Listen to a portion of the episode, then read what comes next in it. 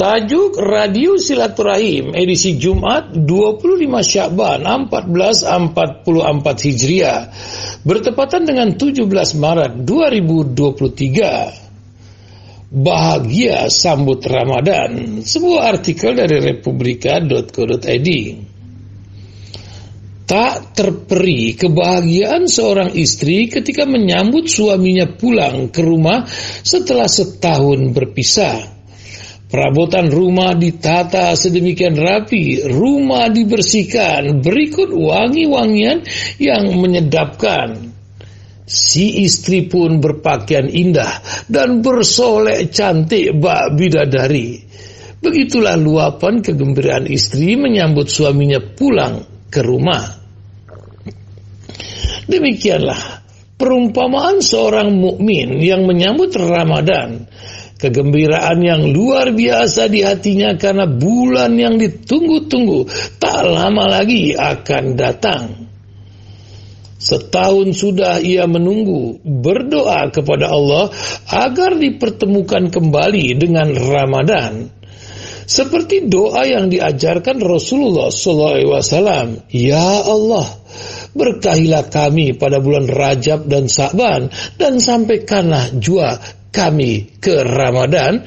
Demikian hadis riwayat Ahmad dari Anas bin Malik. Ramadan, bak tamu agung yang begitu dielu-elukan kedatangannya. Kedatangannya membawa berbagai kebaikan, keberkahan, rahmat yang berlimpah, serta ampunan atas segala dosa dan kesalahan. Setiap amal perbuatan dilipat gandakan pahalanya. Ibadah sunnah dipandang nilainya seperti ibadah wajib. Ibadah wajib diberikan ganjaran berlipat-lipat.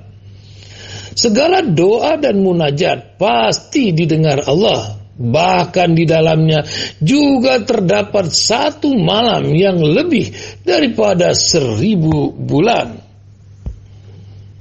Bergembira menyambut Ramadan dibuktikan dengan bersemangat melakukan amal ibadah seperti kegembiraan Rasulullah SAW menyambut Ramadan. Puasa sunnah beliau tak ada yang sebanyak pada Syakban. Beliau semakin sering beriktikaf, bertilawah serta bersedekah.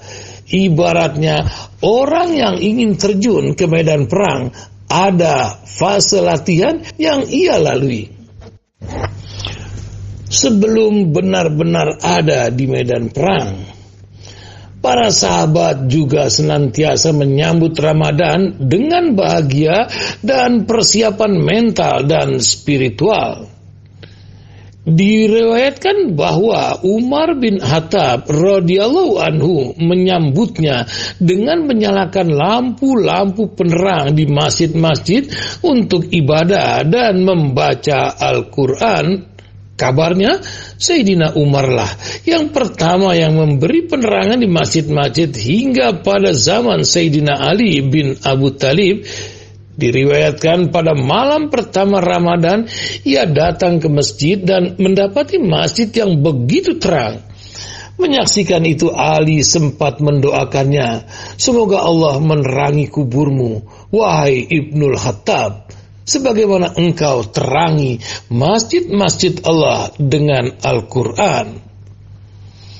Para sahabat yang lain meluapkan kegembiraan mereka dengan banyak membaca Al-Quran pada Ramadan. Sebagaimana diriwayatkan Anas bin Malik, para sahabat jika melihat bulan sabit Syakban serta merta meraih musab mereka dan membacakannya kaum muslimin mengeluarkan zakat harta mereka agar yang lemah menjadi kuat dan orang miskin mampu berpuasa pada Ramadan. Para gubernur di masa para sahabat akan memberikan remisi bagi para tawanan. Para tawanan akan diberikan hukuman segera atau dibebaskan. Para pedagang pun bergerak untuk melunasi apa yang menjadi tanggungannya dan meminta apa yang menjadi hak mereka. Sampai ketika mereka melihat bulan sabit Ramadan, mereka segera mandi dan iktikaf. Banyak membaca Al-Quran adalah salah satu kegiatan para sahabat Nabi dalam mempersiapkan diri menyambut Ramadan. Ramadan adalah syahrul Quran, bulan saat Al-Quran diturunkan, yang di dalamnya disukai banyak pembaca membaca Al-Quran. Rasulullah SAW pun menyetorkan hafalan Al-Quran beliau kepada Jibril pada Ramadan. Mereka yang mengetahui fadilah keutamaan Ramadan akan menyambut bulan ini dengan sukacita. Dalam hadis Ibnu Mas'ud disebutkan, andai para hamba mengetahui apa itu Ramadan, tentu umatku akan berharap agar sepanjang tahun itu Ramadan. Sementara mereka yang tidak terpanggil hatinya dengan datangnya Ramadan Kebahagiaan mereka hanyalah semu belaka. Mereka gembira karena saat Ramadan bisa mendapatkan THR, bisa membeli pakaian baru dan banyak kue-kue serta hidangan makanan. Ada juga di antara mereka yang benci dengan adanya Ramadan disebabkan saat Ramadan mereka terpaksa tidak makan dan minum. Mereka juga kesal karena tempat-tempat maksiat dan hiburan malam ditutup. Mereka inilah yang ditutup dan dijauhkan hatinya dari pintu hidayah. Padahal puasa saat Ramadan adalah ibadah terbaik untuk mendidik seseorang menjadi muslim muttaqim, bertakwa.